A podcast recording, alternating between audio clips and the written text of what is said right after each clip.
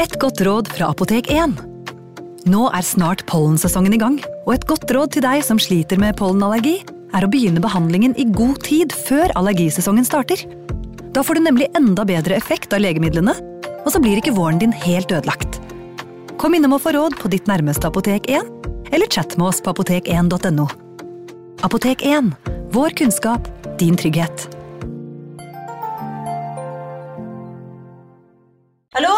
Jeg kommer fra Oslo politikammer. Ine Jansen er purk. Er du purk? The motherfucking bitch. Alt jeg vil, er å finne ut hva som skjedde med mannen min. Jon Carew. Er jeg sikta for noe? Iben Akeli. Det er du. Ole So, Lars Berrum og Big Daddy Karsten. Hvem sin side er du på, egentlig? Anette Hoff, Tone Danielsen, Kommer du fra Afrika? Jørnis Josef, Nesten kløfta. Trond Espen Seim, Det er synd å si det, men det var feil mann som døde. Purk. Premiere tirsdag på TV2 Play. Ungsamtalen fra DNB er økonomisk veiledning tilpasset deg som er ung. Bokk en ungsamtale på dnb.no. slash ung. Det er kjempebra hvis du skal inn på boligmarkedet, hvis det er drømmen din, liksom. Det er det du skulle sagt. Og så kunne du ropt litt mer, da, sånn som jeg gjorde. Bam! Advarsel. Denne podkasten inneholder skildringer av ekte drap og kriminalsaker som kan være støtende for enkelte. Det advares også mot sterke inntrykk i deler av episoden. Jeg ser for mye ondskap i verden, så jeg drepte dem for å redde sjelene deres. Sitat John Emil List, 1971.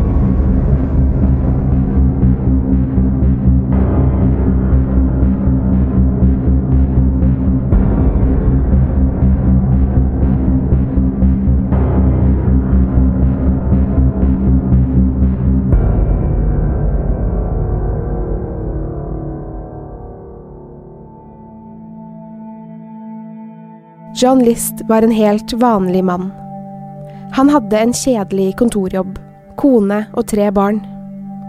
Hans eldre mor bodde i samme hus som familien, og John tok seg av henne.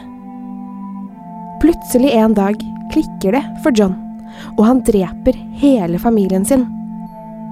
Ikke nok med det, han kommer seg unna på mirakuløst vis og klarer å holde seg skjult for myndighetene i mer enn 18 år. Her er den fascinerende, men også tragiske historien om List-mordene. John Emil List ble født den 17. september 1925 av tysk-amerikanske foreldre og vokste opp i Bay City, Michigan. List hadde en helt vanlig oppvekst hos helt vanlige foreldre. Foreldrene var begge sterkt troende. Faren hans jobbet som søndagsskolelærer en periode. Moren til John var en snill og stille dame som ikke gjorde så mye ut av seg. Hun adlød mannen sin, holdt huset rent og pent og laget middag til sin mann hver ettermiddag etter at hun hadde tatt seg av John hele dagen. Han var enebarn og trivdes i morens selskap. John gjorde det bra på skolen. Han jobbet hardt og fikk gode karakterer. Han fant en stor tilfredsstillelse i å gjøre foreldrene fornøyde. Han likte å vite at de var stolte av han. John hadde noen få venner, men traff dem sjeldent annet enn på skolen. Han likte nemlig å lese bøker hjemme, og tilhørte den heller boksmarte delen av klassen, de som ikke gikk på fester eller var ute etter leggetid. Hele livet til John List frem til videregående handlet om god oppførsel og innarbeidede rutiner. Det var derfor ingen ble overrasket av at han, etter videregående, vervet seg til militæret. Foreldrene var redde for at han ikke var tøff nok, og bekymret seg over om John ville klare de fysiske utfordringene militæret bød på. Det klarte han fint. John, et utpreget rutinemenneske som trivdes i ordnede situasjoner der regler skulle følges, likte seg godt i militæret.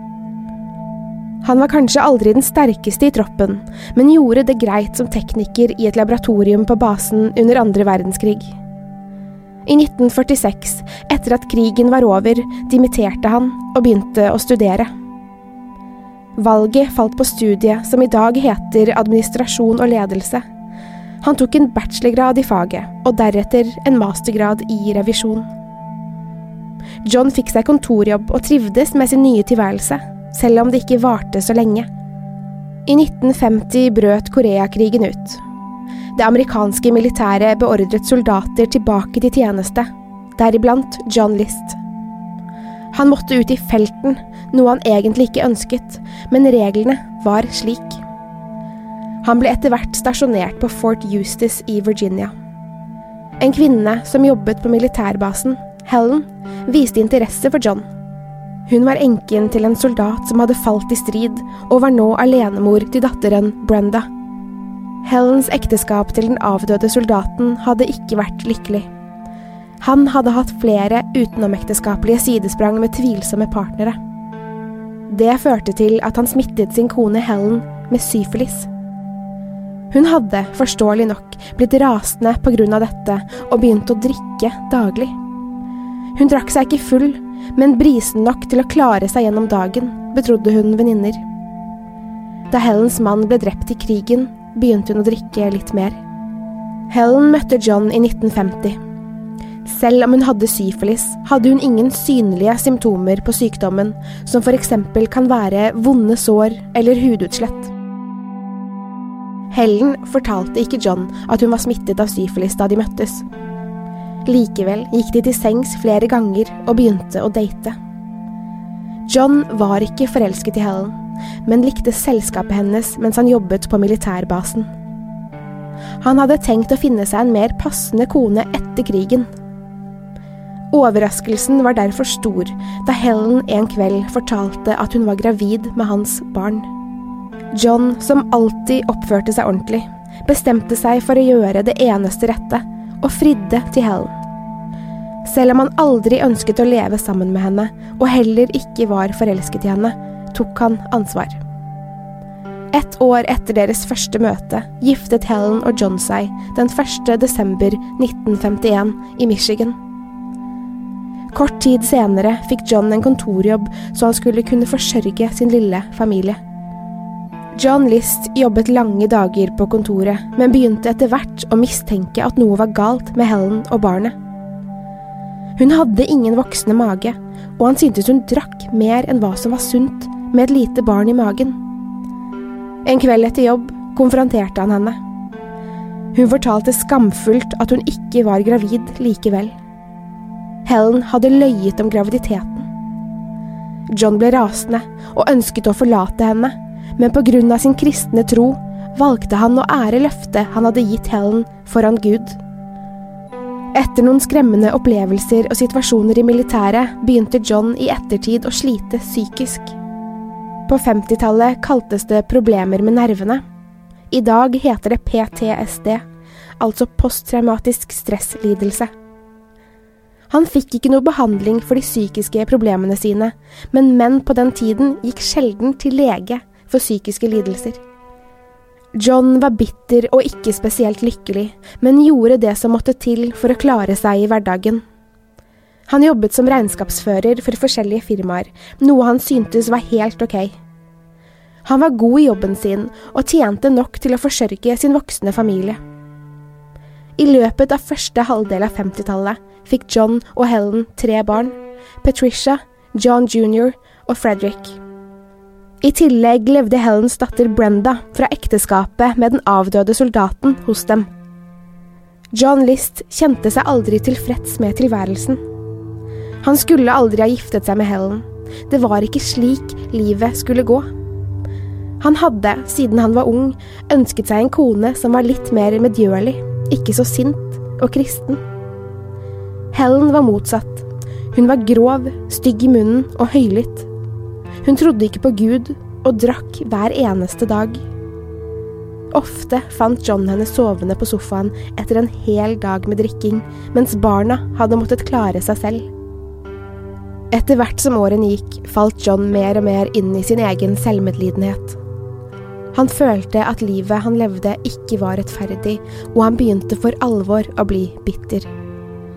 Han oppførte seg likevel fattet, og uttrykte aldri, verken for familien, kollegene eller venner, at han ikke hadde det bra. Han holdt det inni seg. I 1944 hadde John, som da var 19 år, mistet faren sin, hans store forbilde. Moren hadde blitt enke, og John følte et ansvar for å ta seg av kvinnen som hadde gitt han livet. Han sendte henne penger med en gang han fikk lønn, noe som irriterte kona Helen veldig.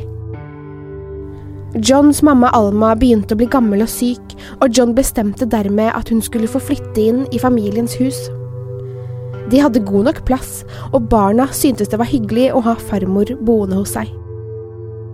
Barna var blitt så store at de hadde begynt på skolen og drev med fritidsaktiviteter om ettermiddagene. Dette betydde at Helen ville være alene med svigermoren hele dagen. John håpet at kona kanskje ville drikke mindre nå som andre var til stede, men der tok han feil.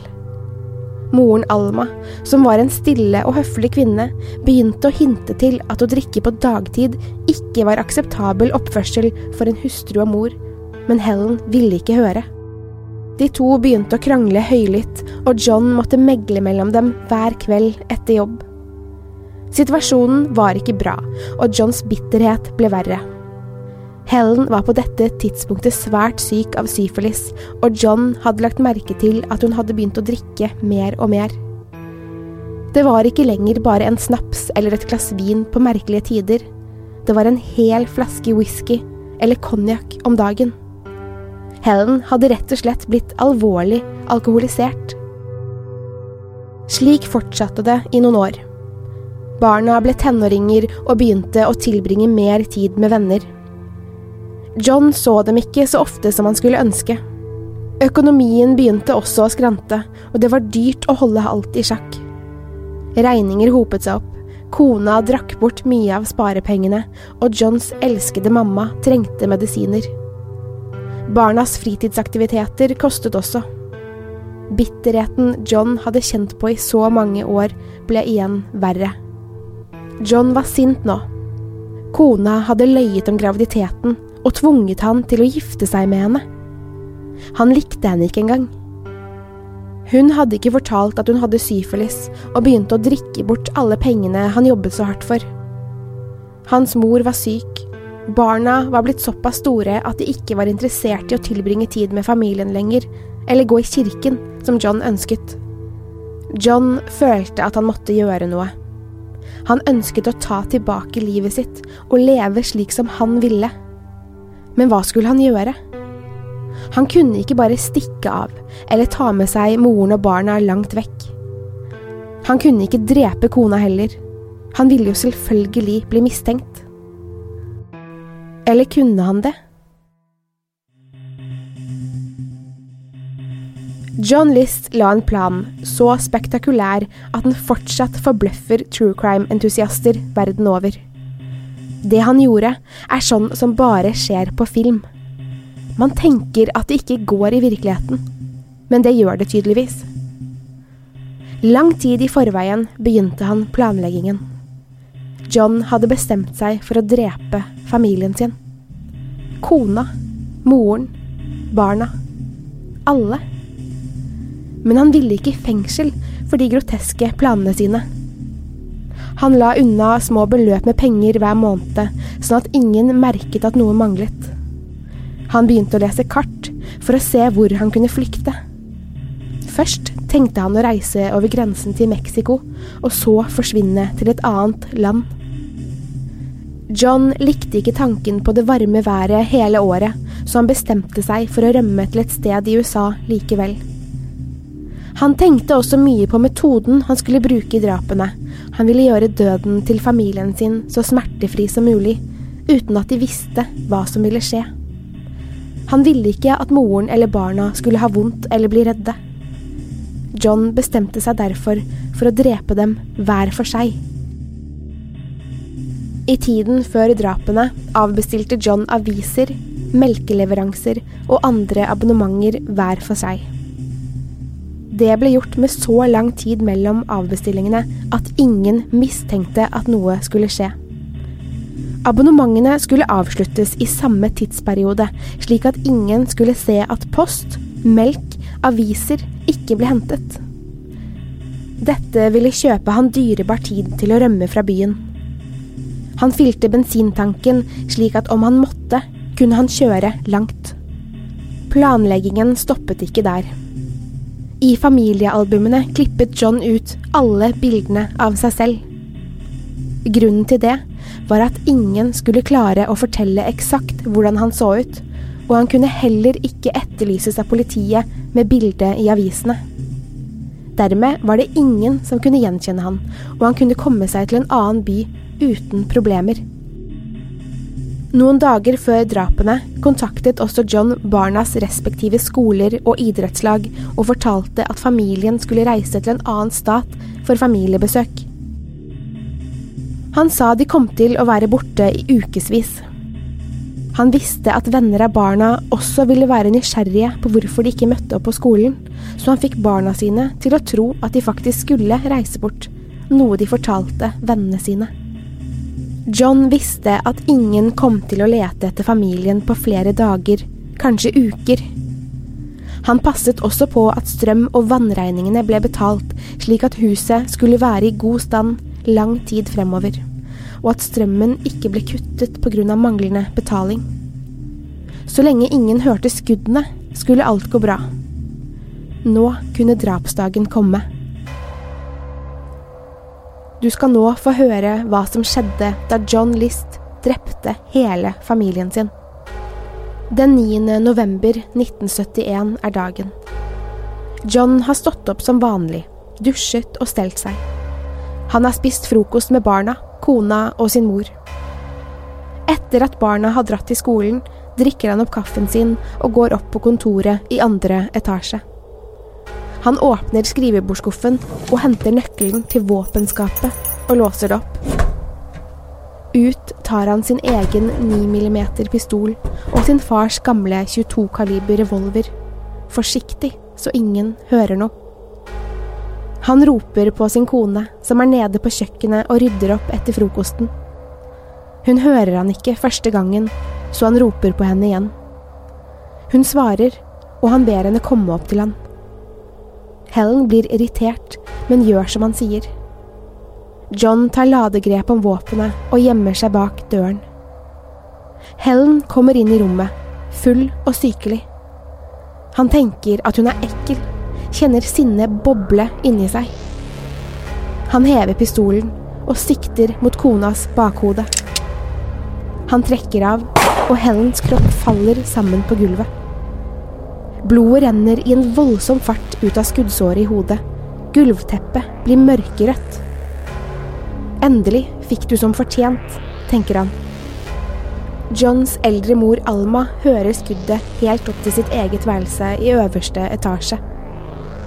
Hun blir engstelig og roper på sønnen. Alma spør hva som bråkte så fælt, og John sier at det ikke er noe å bry seg om. Han lister seg deretter målbevisst opp til morens soverom med det ladde våpenet i hånden. Uten å foretrekke en mine går han mot henne i stor fart. Han hever pistolen mot sin egen mamma og skyter henne én gang i brystet. Han er mindre enn én meter fra henne.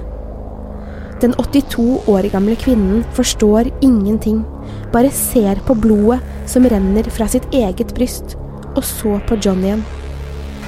Sønnen sikter fortsatt på henne, og trekker av.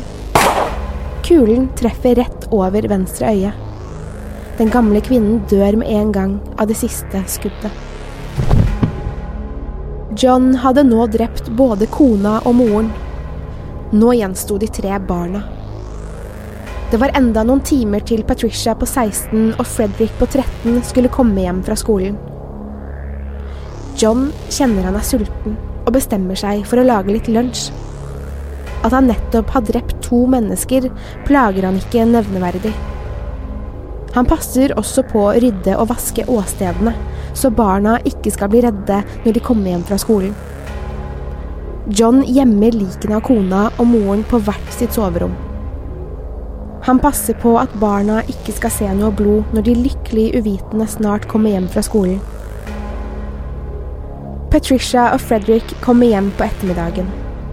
De skravler og ler mens de går inn på kjøkkenet som vanlig for å lage seg litt ettermiddagsmat. De blir begge overrasket over å se faren hjemme så tidlig, og han forteller at han har tatt seg fri. Barna står ved kjøkkenbenken og smører brødskiver. John ser på bakhodene deres og tenker at dette er deres siste sekunder i livet. Han tar frem pistolen fra bukselinningen og hever den mot sine egne barn. Han trekker av og skyter dem begge i hodet og ryggen. De blør kraftig.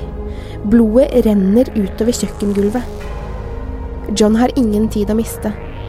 Han drar likene av sine egne barn vekk fra kjøkkengulvet, slik at ingen kan se de døde barna gjennom vinduet om noen skulle komme. Han drar dem inn på et rom uten vinduer og vaske vekk blodet, så ingen kan se hva han har gjort. Johns eldste sønn, John jr., skal hentes på skolen samme ettermiddag. Alt er nøye planlagt, og etter at han er ferdig med å gjemme likene og vaske blodet fra kjøkkengulvet, går han ut til bilen. Han kjører til banken. Så tømmer John List alle konti familien disponerer, og avslutter dem når de er tomme. Kontantene skal holde en liten stund, i alle fall så han får kommet seg til en annen kant av landet. Han kjører deretter til skolen, henter sin 15-årige sønn og tar han med til fotballbanen hvor sønnen skal spille kamp.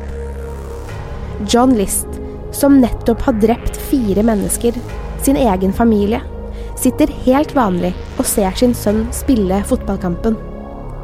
Han oppfører seg som om det var hvilken som helst hverdag.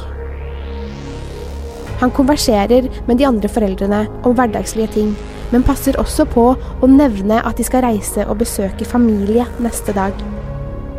Etter kampen kjører de hjem. 15-åringen kommer knapt inn døren til huset før faren sikter på han med våpen. John ser sin sønn i øynene mens han skyter gutten i ansiktet og på kroppen flere ganger.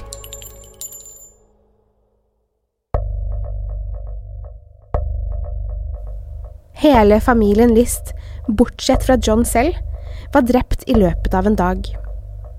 Nå skulle siste del av planen utføres. John var veldig nøye med at verken likene eller blodet skulle kunne ses utenfra hvis noen av naboene lurte på hvor familien var og kanskje kikket inn.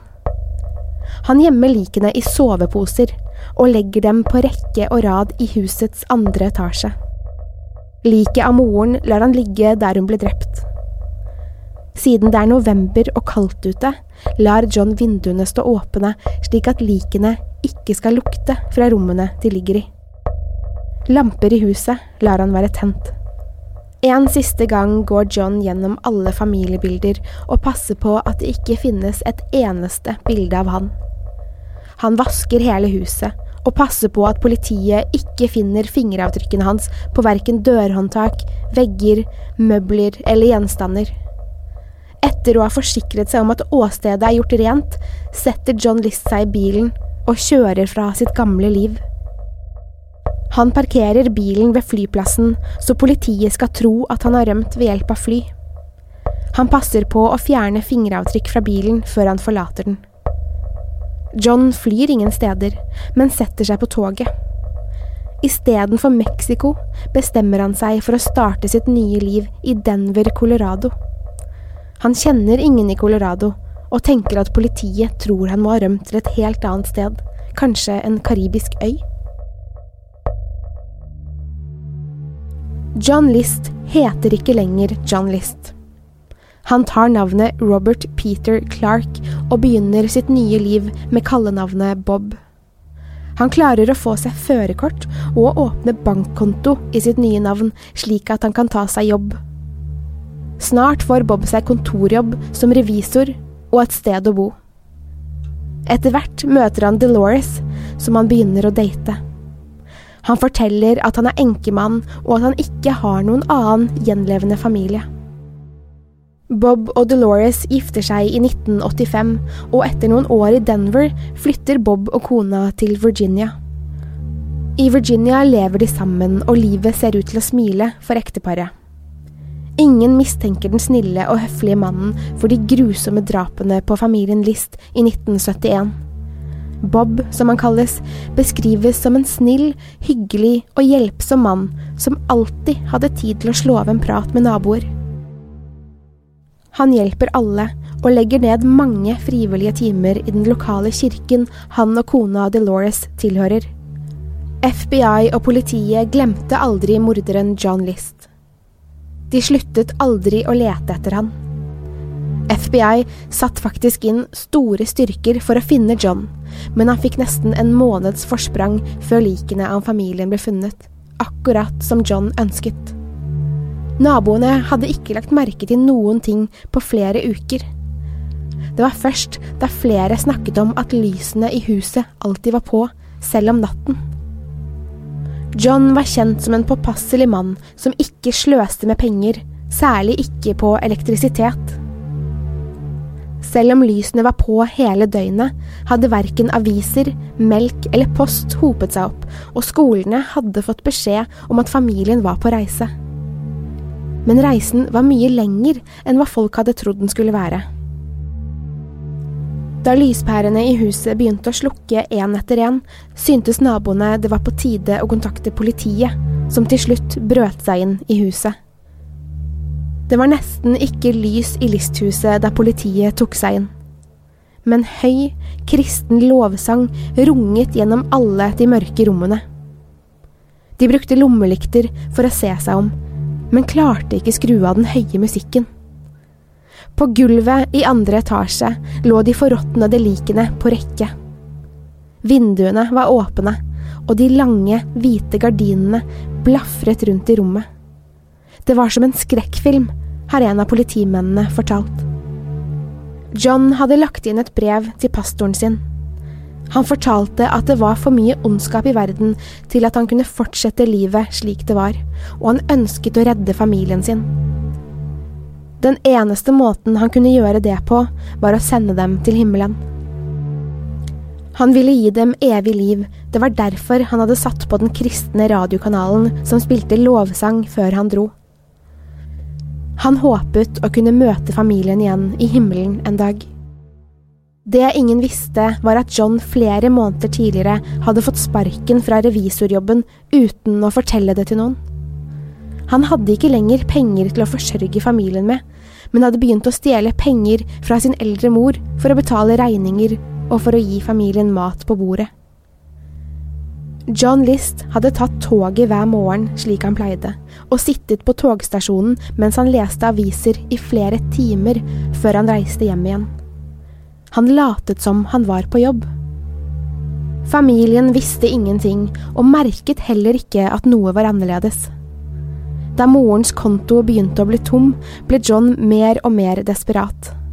Han klarte ikke skaffe seg en ny jobb, så det eneste alternativet var å gå på sosialkontoret for penger, og det nektet han å gjøre. Kona Helen var på dette tidspunktet svært syk av syfilisen. Moren trengte medisinene sine. Kona var alkoholiker, og barna nektet å gå i kirken. John List følte at den eneste utveien var å redde sjelene deres, noe han følte han gjorde. Politiet syntes åstedet med likene i soveposer og lovsangen rungende i hele huset var både ekkelt og skremmende. De forsto at John var veldig farlig og veldig smart. De måtte finne han. Likevel hadde de ikke mye å gå på. Ingen bilder, ingen fingeravtrykk. Beskrivelsene av Johns utseende kunne passe en hvilken som helst middelaldrende mann. I mer enn 18 år var John på rømmen. En kveld mens det nye TV-programmet America's Most Wanted ble sendt, fortalte de om drapene på familien List. De viste bilder av barna, kona og moren liggende drept i soveposene på gulvet. Det ble også fortalt at morderen, deres egen ektemann og far, hadde rømt og fortsatt var på frifot. Programmet, i samarbeid med politiet, laget en byste av hodet til John, som viste hvordan de trodde John skulle se ut 18 år senere. En kvinne kjente igjen morderen på TV som sin egen nabo og ringte politiet. Tipset hun kom med, stemte godt med beskrivelsen av John List, og politiet arresterte han dagen etter. I starten nekter John for drapene, og politiet hadde ingen fysiske bevis mot mannen som het Bob, men var helt lik John List. Likevel, etter en lang etterforskning, klarte FBI å spore opp Johns fingeravtrykk fra tiden i militæret, det eneste sporet han hele tiden hadde fryktet. John kunne ikke nekte lenger, og fortalte politiet hele historien du nå har hørt. Detaljene kommer fra han selv og bekreftes av de tekniske sporene. Da den nye kona Delores fikk vite hva ektemannen hadde gjort, skilte hun seg fra ham. John ble siktet for fem drap, altså massemord. I retten ble han dømt til livstid fem ganger. Én livstidsdom per liv han hadde tatt. Den 12. april 1990 falt dommen. John Emil List forble alene resten av livet, uten besøk fra venner eller bekjente. Han døde alene i fengsel av lungebetennelse i 2008, 82 år gammel. Historien om John List er nesten for utrolig til å være sann. Men den er det. Som tatt ut av en gammel detektivroman. Jeg er selv imponert over arbeidet John la ned for å ikke bli tatt. Han tenkte på nesten alt. Jeg tror ikke dette hadde fungert i dag, av alle elektroniske spor man legger igjen selv om man ikke tenker på det, men også av hvor raskt informasjon spres i disse dager. Tenk hvis barna til John List hadde vært på Facebook, Instagram eller Snapchat, og noen ikke fikk tak i dem. Hvor lang tid hadde det da gått før mordene ble oppdaget? Bildene av John List, både før og etter forsvinningen og arrestasjonen, Bysten som ble laget av han, i tillegg til åstedsbildene, legges ut på Instagram. Der heter vi True Crime Norge, og på Facebook hvor vi heter True Crime Podden. Vi håper du vil følge oss der. Har du innspill, tanker eller spørsmål om episoden, eller kanskje du har en sak du vil vi skal ta opp? Send mail til post at truecrimenorge.no, eller kontakt oss på sosiale medier. Til neste gang Takk for at du har hørt på True Crime Podden.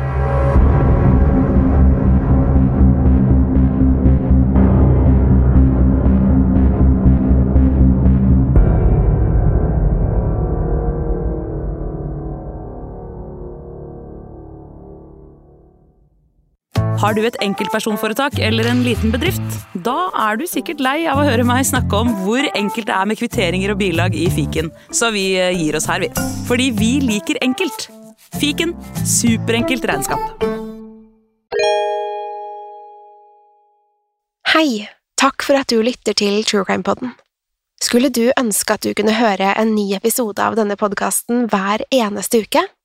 Vel, da er det bare å laste ned podkastappen Untold med en gang. I tillegg til ukentlige episoder av podkaster som Skrekkpodden, Synderne og Henrettelsespodden, får du masse annet reklamefritt og eksklusivt innhold. Last ned Untold i AppStore eller Google Play, og start din 30 dagers prøveperiode i dag.